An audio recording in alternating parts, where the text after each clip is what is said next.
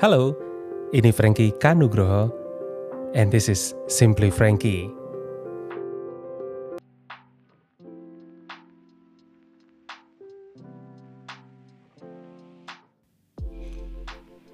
Selamat datang di episode terbaru dari Simply Frankie. Dan Frankie di sini mengucapkan selamat malam buat teman-teman. Kebayang banget kalau podcast ini didengerin tuh buat teman-teman sambil chill out. Dan kalau selamat malam, itu aku membayanginya teman-teman udah kayak di apa ya waktu pendinginan hari gitu ya. Ya walaupun Gak menutup kemungkinan kalau teman-teman mendengarin ini tuh anytime, anywhere, at your best time that suit you. Makanya juga di dalam podcast yang seperti ini tuh aku pengen ngobrol-ngobrol, ngomong-ngomong, ya kan. Di dalam tempo yang gak perlu buru-buru amat ya. Kita setiap hari itu sudah diburu-buru berbagai hal, diburu-buru target ya, diburu tuntutan sana sini dan what I want from this podcast channel itu why don't we just chill out sambil ngobrolin something yang simple gitu ya. Karena aku percaya lagi-lagi dari hal-hal yang simple kita bisa belajar banyak hal. Dan anyway, untuk apa pun itu juga belum tentu semua tentang belajar. Why not just chill? Why not just enjoy it? And somehow, ketika kita embrace the moment, enjoying the moment, aku percaya kok kita tetap dapat sesuatu ya. And ngomong-ngomong soal dapat-dapat sesuatu atau ketika kita punya mimpi mengejar atau mendapatkan sesuatu atau membeli sesuatu, sering kan kita tuh uh, dapat perkataan atau eh barang yang ini tuh yang tipe ini yang paling baru kemarin itu kira-kira worth it nggak ya untuk aku beli, aku miliki? Atau misalkan kalau kita sekarang punya handphone gitu ada keluaran terbaru kita sering bilang ngomong kalau aku ganti worth it nggak ya dari yang lama ini? Dan secara prinsip ekonomi kita selalu berpikir tentang investasi dan nggak mau rugi gitu. Sehingga kita menimbang-nimbang whatever it is or not. Sesuatu itu akhirnya bisa berguna baik untuk kita. Yes of course kita itu yang harusnya paling paling layak aku bilang untuk memikirkan hal yang terbaik untuk kita. Worth it nggak sih? Worth it nggak gitu ya? Dan kemudian kita menilai dan kalau aku pribadi seneng banget ya nonton channel-channel review ya review handphone, review mobil gitu ya, menimbang-nimbang sana sini sana sini yang turns out kadang-kadang it does really help me dan it does really help me to be more confusing also karena di dalam pencarian ternyata nggak ada yang sempurna selalu punya kelebihan ini dan itu. Dan kepada sesuatu yang akan kita akuisisi aku beli gitu kan kita menentukan standar-standar tertentu yang ya intinya kita nggak mau rugi gitu ya ya. Dan somehow tuntutan-tuntutan seperti itu tuh ya you know kalau hari-hari ini wajar-wajar banget lah. Dan why not gitu loh tetapi aku hanya memikirkan gimana sih kalau sebenarnya kita balik kita balik tentang diri kitanya sendiri um, bukan tentang apa yang kita miliki, tapi tentang diri kitanya sendiri.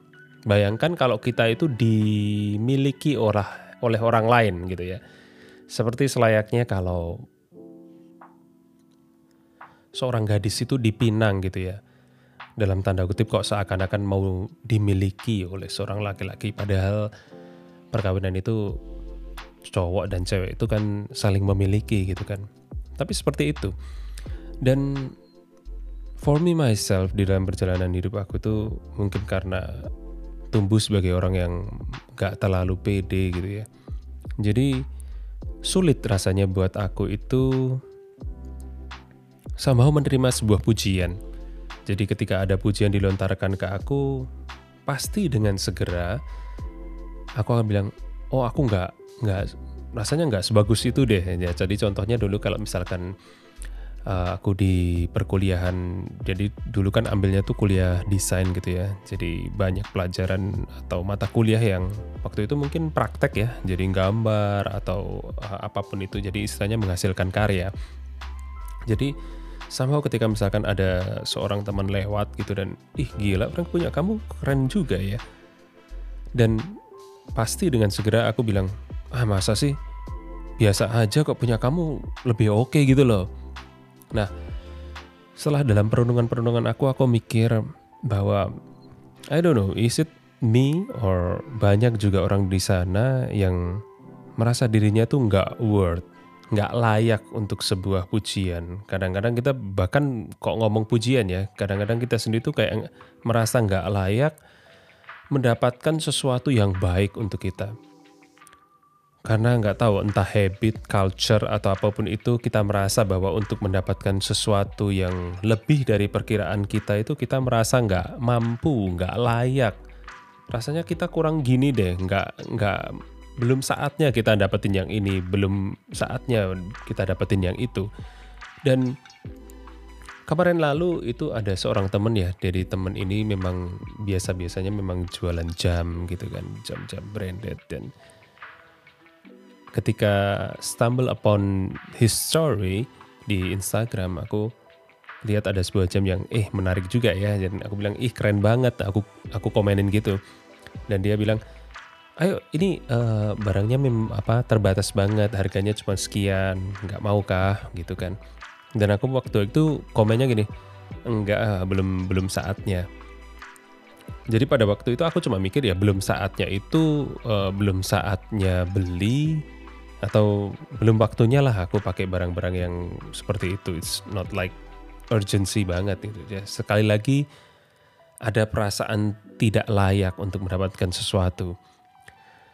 Which is sebenarnya lagi-lagi kalau memutar kembali apa yang ada di kehidupanku dari yang lalu hingga hari ini, actually ada berbagai hal, ada berbagai kejadian atau apa pun yang menurutku terjadi di dalam hidupku itu di, benar-benar di luar ekspektasi and which is more than I expected to be. Dan kalau diukur dari sisi kelayakan itu wah kan kita sering kan ya ada terms uji kelayakan gitu ya dan I bet kalau model-model kayak aku tuh selalu ngerasa kayak nggak layak nggak layak uh, belum waktunya belum belum belum bisa kayak gitu ada ada perasaan-perasaan seperti itu. Nah, uniknya beberapa waktu yang lalu aku membaca sesuatu tentang jadi tulisan tentang visi, bagaimana kita membuat visi dan ada statement yang membuat aku tertarik banget. Jadi kalau boleh aku terjemahin bebas itu statementnya itu kayak visi itu akan menarik kamu bahkan melebihi daripada yang kamu mampu sekarang kayak gitu. Dan karena ada gap antara visi tersebut dengan apa yang kamu mampu sekarang, maka ada perjalanan ke sana yang visi akan membuat kamu melakukan hal-hal yang tidak kamu mampu sekarang. Jadi, ya, oke, okay, uh, kalau kita disuruh bikin target atau goal itu kan yang mesti harus realistik juga, executable juga.